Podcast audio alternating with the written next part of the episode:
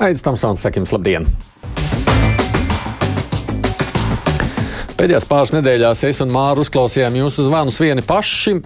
Nu, šoreiz atgriežamies pie brīvā mikrofona kopā ar kādu no uzaicinātajiem viesiem. Un šobrīd studijā ir mans kolēģis, Latvijas radiokultūras žurnālists Toms Streibergs. Sveiki! Sveiks, Aida, un sveicināt klausītāji!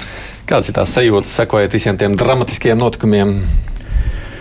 Es domāju, ka tu man uzdosi šo jautājumu. Man, manuprāt, mums ir tāda situācija, ka mums, mūsu priekšā ir nodots eksāmenis, tā kā eksāmena lapa, bet viņā nav jautājumu, bet ir vieta atbildēm.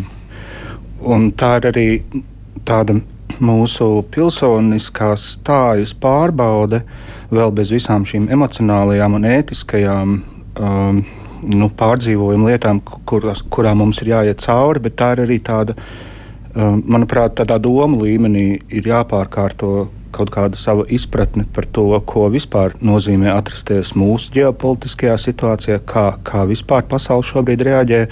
Un tāpēc tas eksāmenis bez, bez tiem jautājumiem ir tāda, tāda stresa pozīcija.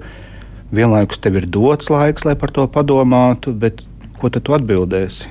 Un, Nu. Nu, kā tev skatoties uz jautājumu atbildēm un to, ko mēs izvēlamies, šķiet, kā tad mēs tiekam ar atbildēm galā?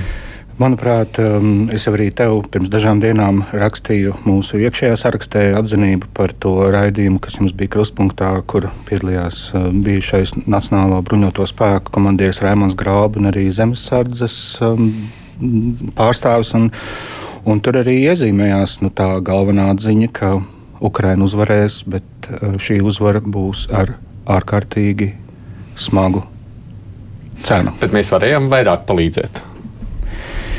Es par to arī esmu, es par to arī esmu izteicies un domājis, ka nu, man tā sajūta ir tāda, ka mums bezmaz vajadzēja līdz šim brīdim būt par tādiem ārpolitikas ekspertiem. Visu laiku turēt roku uz pulsa, uztraukties gan par notikumiem Sīrijā, gan vēl par ļoti daudziem citiem konfliktiem. Bet, mm, Man arī patika, ko vakar Gatis Šļoka, karikatūrists, atzina mūsu raidījumā Kultūras Rondo, ka uh, Ukraina mums ir tuvu. Viņi ir vistuvāk no tām valstīm, ar kurām mēs asociējam vārdu karš. Tādējādi arī mūsu emocijas, mūsu prāta piesaiste ir daudz ciešāka. Nu, tā palīdzība, ko tu jautā, kāda varēja būt pirms tam, cik viņi varēja būt tagad, vai varbūt tagad vispār rietumu, vairāk sankcijas, vēl kaut ko citādāk, dot lidmašīnas, sargāt gaisa telpu. Mēs jau redzam spekulācijas ļoti dažādas. Nu, tā ir nu, smilšu pulkstenis, kurš nemitīgi tiek apgriezts uz otru pusi. Un, diemžēl to graudiņu vietā ir cilvēku dzīvības. Tas tā ir. Jā. Ļaudis, zvaniet, tā tad mums brīvais mikrofons. Gribēju parunāt par veselību nedaudz. Gribētu iemest vienu akmentiņu arī žurnālistu dārziņā. Gaļām šoreiz gribēsiet vairāk arī parunāt par notikumiem ap Ukrajinu. 6722, 888, un 672, 559, tie ir mūsu tālruņa numuri. Nu, un, protams, arī caur mājaslapu sūtot savu ziņu, ko gribat mums pateikt. Halo! Halo! Halo. Jā, lūdzu! Labdien! Labdien. Es par to Ukrainu. Nē, es nāku siltais laiks. Es dzirdēju arī jūsu raidījumā te par tiem riteņbraucējiem. No. Es esmu Kraus automašīnu šofērs, es uz fūru izbraucu, sākot no Norvēģijas ziemeļiem, beidzot ar Atēnām.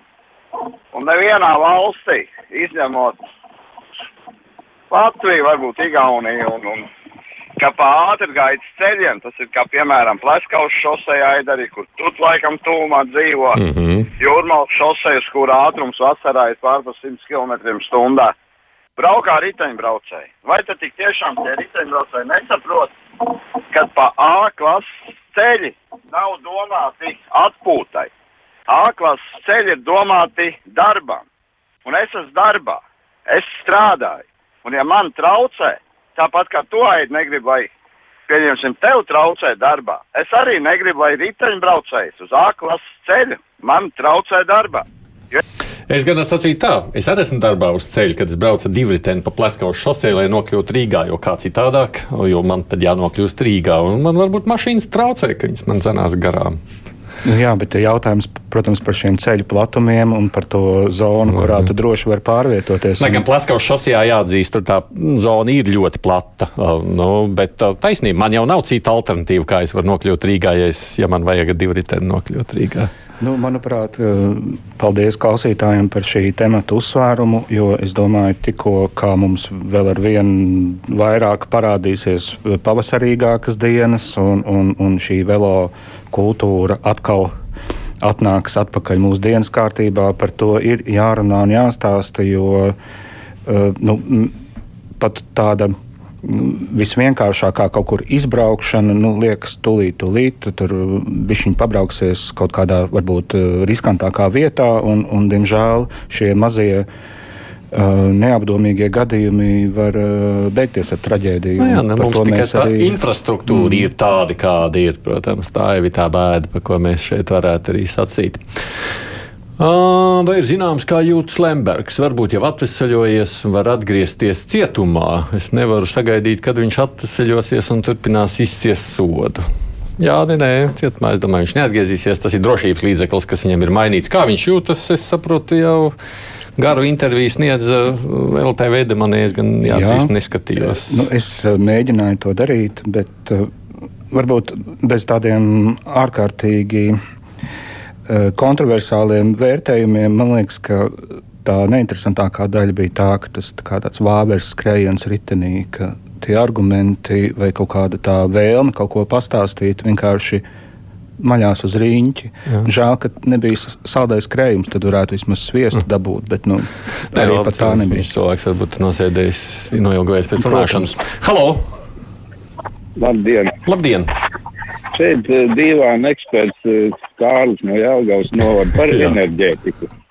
Pirms apmēram astoņiem gadiem Lauksaimniecības universitātes zinātnieku nakts laikā, kas bija veltīta kokšanas izmantošanai, zinātniekiem uzdeva jautājumu, kā to saprast, ka gandrīz pirms 80 gadiem vācieši spēja braukt ar automašīnām ar koka klucīšiem.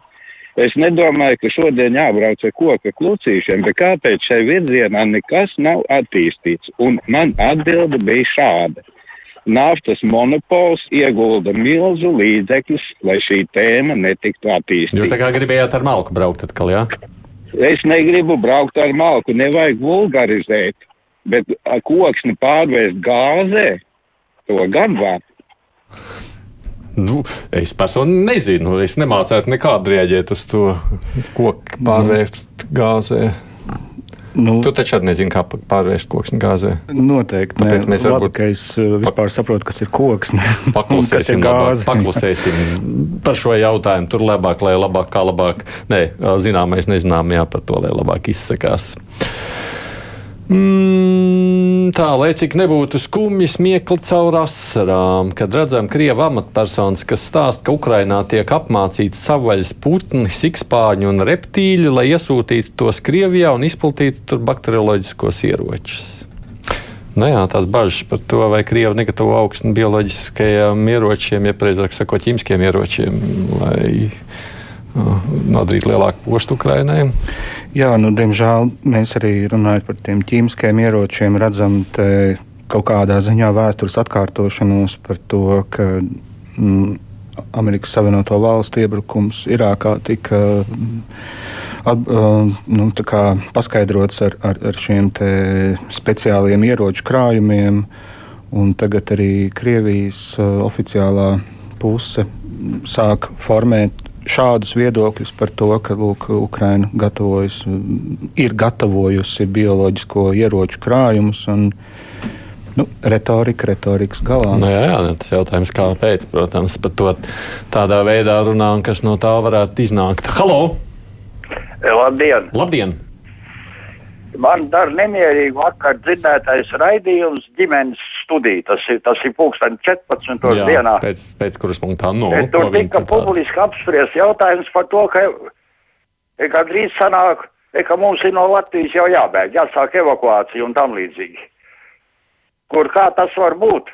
ka pie mums liek cietī Krievijas propagandas kanāls un tā tālāk, bet šādi palaiž gaisā pa oficiālo valsts radio. Bet kas tur bija pastāstiet, jo es nedzirdēju, man beidzās raidījums. Par ko tad bija runa?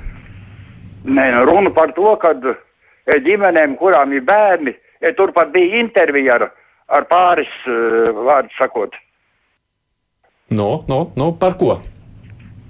Nu, ka viņi apsver tādu tā sacīt, nu, ka bērnu drošības pēc saka, ja nu, ja nu mums te sākās kāri vai kas, ka viņi, vārdu sakot, gatavojās izbraukt no Latvijas. Bet par ko bija temats? Jūs varat man izstāstīt, par ko bija runa? Kā, nu, runa, runa, runa tik tiešām ir par nedrošo stāvokli, bija, kad, vārdu sakot, nu, Man liekas, ka es saprotu, ko zvanītājs jautā. Es pieļauju, ka tur varbūt bija par cilvēku aizsardzību. Es ne, nevaru jo, es, jo, nē, es vienkārši dzirdēju arī to nu, mūsu vidē dēvējot pašreklāmu. Um, tas tajā pieteikumā tiešām izskanēja šis te, nu, mm, šī uh, tēma par to, ka ir ģimenes, kuras gatavojas pamest Latviju. Es tieši vakardien ģimenes studiju nenoklausījos, bet man liekas, ka varbūt klausītājam tieši šis mazais gabaliņš eh, aizķērās eh, Nē, viņš uzmanībā. saprata, ka bija klausies laikam. Un, nu, labi, gan jau mums kāds no klausītājiem uzrakstīs, par ko bija runa. Citādāk es mēģināju saprast, uh, neuztvēru, jo es tiešām pēc kruspunktā nedzirdēju šo raidījumu. Jūsu domas, kāpēc saima nobalsoja pret degvielas akcijas nodokļu samazināšanu šajā kara laikā? Prasa Agris. Mans domas droši vien tas ir jautājums vienmēr par naudu.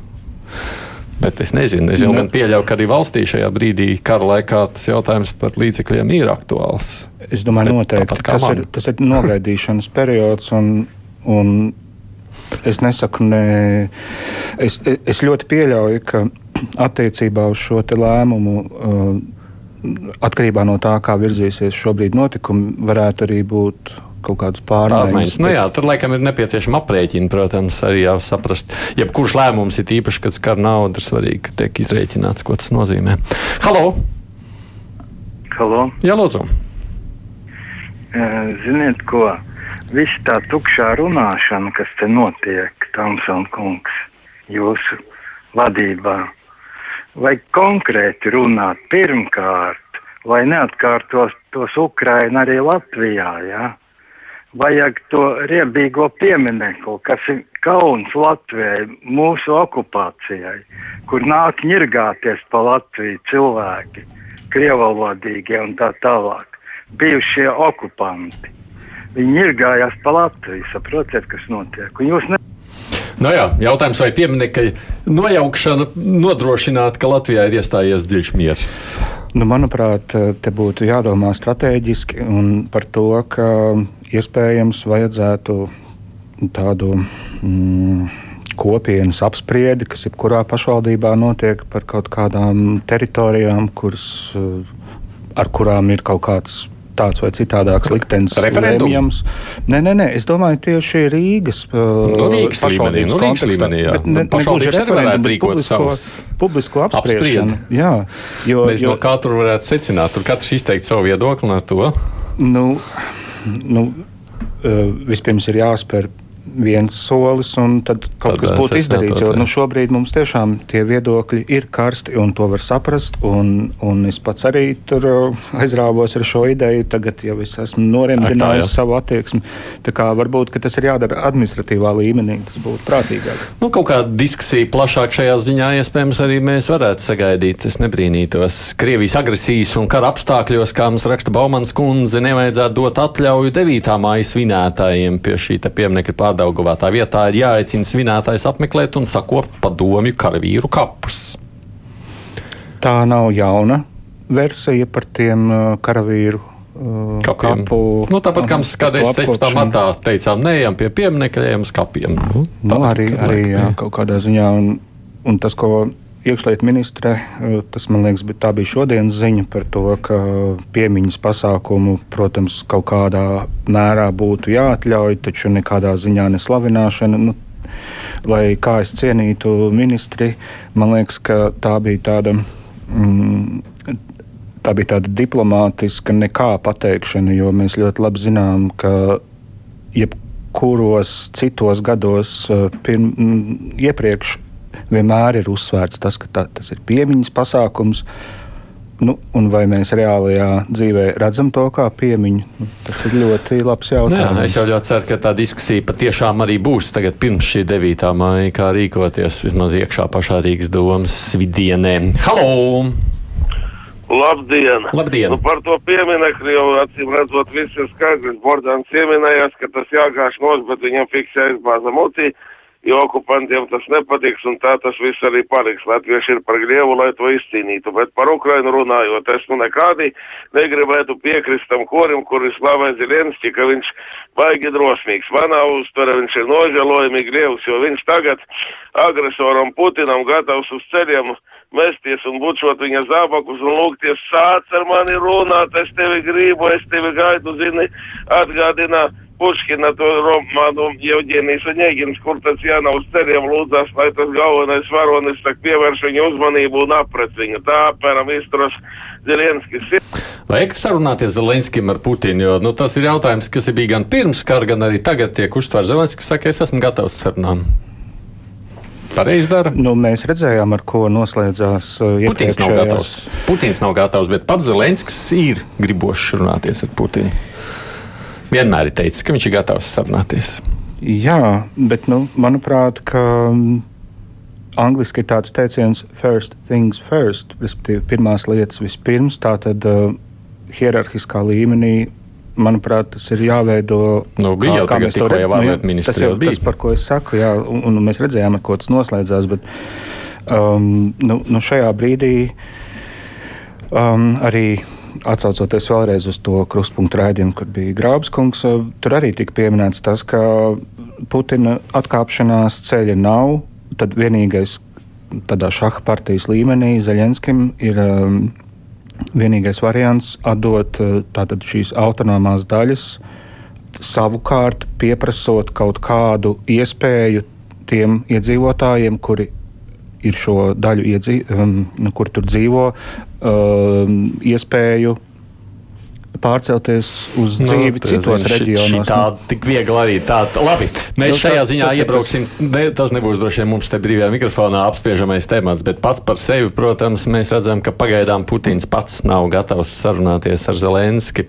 Jo viņam jau nav ko teikt. Nu, varbūt viņam arī viņam bail skatīties. Atcerēsimies vai... Uh, padomju laika grāmatiņu gribulītes, vai ne? Bija tāda ļoti populāra. Jā, nu, viņš, ir tas, es... viņš ir tas, kurš grib. Nolasiet, lūdzu, man vēstuli, raksta Līva. Pareizi darīs tie vecāki, kas dosies prom no Latvijas kara gadījumā. Es saviem bērniem arī iesaku to darīt, jo negribu, ka tiktu apdraudēti mani mazbērni. Pati gan es palikšu, jo par sevi neuztraucos, kas būs, tas būs. Tā jau droši vien, ka visi vecāki raizējās vairāk par saviem bērniem. No, mēs jau arī redzam, Ukraiņas gadījumā tēvi paliek vai ne, bet mammas ar bērniem dodas tālāk prom. Es gan redzēju, vienu, varbūt arī pamanīju šo attēlu uh, Facebook vietnē, kur bija tēvs ar māmu, kas dodas karot, un viņu ma oh, jā, mazais, puisītis viņus apskauja. Jā, jā, jā, jā. Tur ir ļoti Tā, dažādas. Tādas situācijas arī, protams, ir. Jā. Halo! Uh, labdien! labdien. Gribētu dzirdēt jūsu komentārus konkrēti runāšu. Trīs lietas.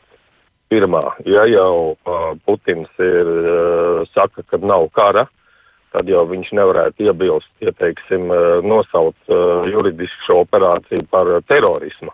Varbūt uh, terorismu gadījumā ir pavisam citi juridiskie uh, pamatojumi, kā ar to cīnīties. Un vieglāk ir uh, lemt uh, sadarbības valstīm, jo terorismu, es saprotu, ir gatava cīnīties jebkura valsts, ne tikai NATO. Tas ir pirmais. Otrais, gribētu aizrādīt žurnālistiem, ja jau mums ir rūpe par to, uh, kā uh, krievu valodīgie mūs saprot, un mēs visi saprotam, ka krievu tauta nav vainīga varbūt šajā karā, tad uh, varbūt ir vērts pārsaukt šo konfliktu vai par Putina karaspēku vai Putina huntu, jo principā griež ausīs, ja, ja katru reizi pieminot, jūs sakat uh, Krievu karaspēku. Bet es, es laikam esmu arī no tiem, kas uzskata, ka Krievija tauta ir tikpat līdzatbildīga visā šajā sadaļā. Nu, tā ir, nu, tu nevari neko darīt, ja tu nedeleģēji savu varu, uh, iedzīvi, no, nu, var, no savu, no savu, nu jā, varu nu, konkrētiem cilvēkiem, šajā reizē Putinam.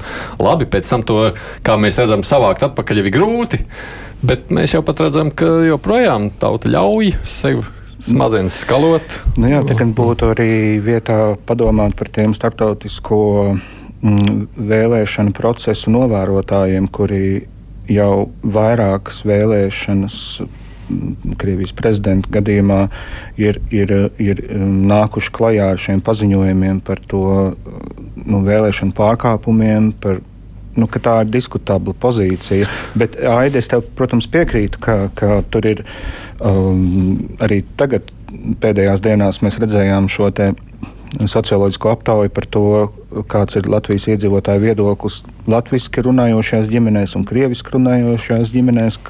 Un, un, un, nu, no, te vēl ir skalots smadzenes. Šajā ziņā, protams, te mēs varētu sacīt, vismaz šī sadaļa, viena liela daļa jau vispār nevēl Krievijas prezidentu, bet Krievijā savukārt, nu, tā, manuprāt, ir arī zināmā mērā tā ir tautas atbildība, ko viņi ļauj savai varai darīt vai nē. Nu, Tur es tev pilnīgi piekrītu. Jā, jā. Es, es citādi to grūti pateikt.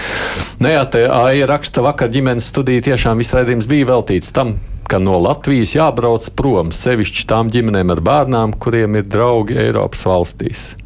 Jāņem man izvēlēt saprast, kas jums tur notika, jo es vakardienas raidījumu tiešām neesmu dzirdējis. Jā, Neizprovocēju mūs. Halo! Sveicināti! Sveicināti. Aidi un Tom. Uh, jā, iesākumā tikko, kā arī minējāt, ģimenes studijā bija tāda runa, jā, ko citas, nu, apmēram eh, citas ģimenes, nu, viena ģimene ir apsvērus, ko darīt, tā kā doties prom, tā kā nedoties. Uh, es domāju, tā bišķiņ pat traka būtu traks, celt bišķiņ piebremzēt vajadzēt ģimenes studijai.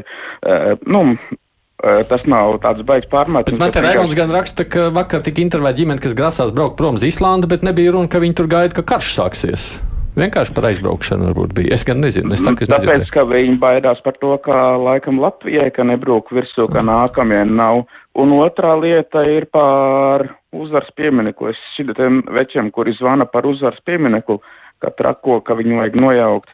Es gribu pateikt viņiem tā, liekat svētu mieru Nekarojiet ar mirušiem karavīriem, ja gribat karot, nu, dodieties uz Ukrainu, palīdziet Ukrainai aizstāvēt. Paldies! Nu jā, es gan šajā reizē jāatzīst, atklāt, man pagaidām, protams, tas šķiet otršķirīgs jautājums, kas notiek Latvijā ar mūsu piemineklis. Man vairāk uztrauc to, kas notiek Ukrainā šobrīd ar dzīvību. Es saku tā, kā ir man personiski tas sajūta. Labi, skatāmies, ko ļaudis tālāk raksta. Jā, te bija tiešām jā, par līdzīgi par to vakardienas raidījumu, ko pieminēja zvanītājs, bija veltīts ģimenes gatavojas evakuācijām. Māmas dalījās ar informāciju, kur un kā gatavojas bēgt no Latvijas, kas paliks Latvijā pie vecmāmiņām, un tam līdzīgi bija nepatīkami klausīties, kā domā nevis par Latvijas aizstāvību, bet par bēgšanu. Nu jā, es Jā, nu, labi, man jau diezgan liela bērna. Tagad jau ir citādāk. Tur tiešām varētu arī kādi jau kļūt par dzimtenes aizstāvjiem, bet tad, kad ir mazi bērni, nu, ko tad es droši vien arī sacītu sievai, bet viņas prom, jo ko tad citādi. Nezinu. Es, nu, es domāju, jā, ka teiksim, bērnu parādīšanās vispār ir dzīves pārmaiņa, tad vēl karš kā dzīves pārmaiņa. Un, nu, tas ir atkarīgs no tā, cik viens cilvēks nu, to var tautas valodā runājot nest. Nu jā, Kā ne, viņš ar to var nu, jā, nu, bērns jau ko bērns jau tajā situācijā neko nevar izdarīt. Var izdarīt tikai to, ko vecāki dara. Halo! Jā, labdien! labdien. Man ir divas lietas. Uh, viena lieta ir diezgan retoriska, proti par to, ka uh, Krievija piedāvā nodrošināt koridoru Ukraiņu bēgļiem, lai viņi dodas uz Krieviju vai uz Baltkrieviju. Tas ir eh, diezgan cinisks piedāvājums, ņemot vērā, ja tie cilvēki nonāks Krievijā vai Baltkrievijā, tad pieminot vārdu karš, viņi noteikti nonāks cietumā uz 15 gadiem. Tā Man, ir viena lieta. Jā, ot... jā, turpiniet. Jā, un otra lieta par pirms, pirms neilga laika Latvijas televīzijā bija Manska filma par Gorbačovu. Nu, un Gorbačovam uzdeva jautājumu par, eh, par demokrātiju. Un, ja presē ir, eh, ja presē ir cenzūra, vai cilvēki var iegūt informāciju. Un Gorbačovs atbildēja, ka tie, kas grib, var iegūt. Un proti, eh, tas mans jautājums ir par to, ja mēs tik ļoti šobrīd uztraucamies par krievalodīgo sabiedrību, ka viņi dzīvo tādā informatīvā telpā, ka viņiem vienīgais, kas ir jāsniedz informācija krievu valodā, vai tas neliekās drusciņi amizanti, jo Mēs taču katrs spējam lasīt uh, Latvijā, latviešu valodā, krievu valodā. Mums ir, mums ir laikraksti vācu valodā, franču valodā, angļu valodā. Ja mēs gribam, mēs tiešām nespējam iegūt informāciju, vai tiešām tā visa informācija krievalodīgiem jāpasniedz krievu valodā. Nu, es neapšaubām gribētu tādā ziņā piekrist mūsu klausītājiem. Man jau, vai tiešām arī mēs, kas skatāmies vai klausāmies, jebko, nu, vai mēs nevaram mazliet vairāk darbināt savus smadzenes nekā tikai. Nu, o, viņš tā teica, tā tad tā ir. Nu, apmēram tā. Nemaz Jā, tas ir interesanti. Vispār par to mēdīju pratību un par to arī mēs Latvijas rādio ēterā esam runājuši vairāk kārt. Proti, ka um, šobrīd vēl vairāk parādās tas princips, ka ziņu lasīšana nav tā, kas bija ziņu lasīšana pirms tam. Respektīvi, tā, tas nav ekvivalents teiksim, maizītes apēšanai vai kafijas iedzeršanai. Mm -hmm. Tas arī ir mūsu darbs jau šobrīd. Tā nav tāda. Mm, nu, pa, pavirpinoša ekrāna izklaide, bet mums jau ir jāsāk nu, jau būtībā strādā Strādā, ar to, kā informācija mazliet. notiek. Nu, es pats sacītu, mums nonāk. Jā, es grib, gribētu pat sacīt, mums reizēm, tad, kad mēs sakām, ka mēs lasām ziņas, varbūt jāsaprot, ka ne viss, ko mēs gribētu domāt, ka ir ziņa, tā patiešām ir ziņa. Uh, te man iesaka pārkrāsot vienkārši to pieminiektu Ukraiņas karoga krāsās. Nu, šis jau arī ir apspēlēts jautājums. Nē, es sapratu, Ukraiņi paši negribēja, ka tur izgaismo Ukraiņas. Man liekas, ka bija ļoti interesants gadījums. Uh, Portugālē, ja nemaldos, tā bija Lisabona vai Madrida, kur uh, Krievijas vēstniecība bija izgaismota. Izgaismot, jā, jā, jā, Ukrainas karoga. Nu, mēs jau redzam, mūsu nu, ielas nosaukums arī nomainīts. Halo! Halo, jā, lūdzu. Lūdzu, labdien, jā. Uh, labdien, par uzvaras laukumu. Tas ir 30 gadu varas nesēja parāds Latvijas tautai. Tur varēja būt atceras pasākums, brīnišķīgs pasākums atzīmējot aizsargu svētkus. Tur piedalījās arī mana novada deju kolektīvs un vingrotāji. Kāpēc to neatzīmēt?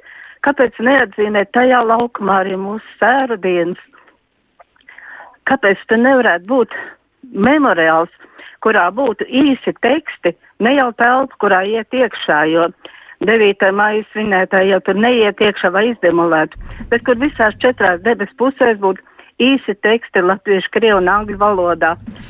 Nu, tas, kas varbūt nu, tiešām nāk ārā gan no klausītājiem, gan droši vien šajā brīdī daudziem emocionāli, tādu nopietnu, kārtīgu diskusiju pārvērtiet, ko darīt Jā, es domāju, ka, ka, ka es um, šai kundzei diezgan lielā mērā piekrītu par to memoriālu ideju, respektīvi par transformāciju, pārveidošanu.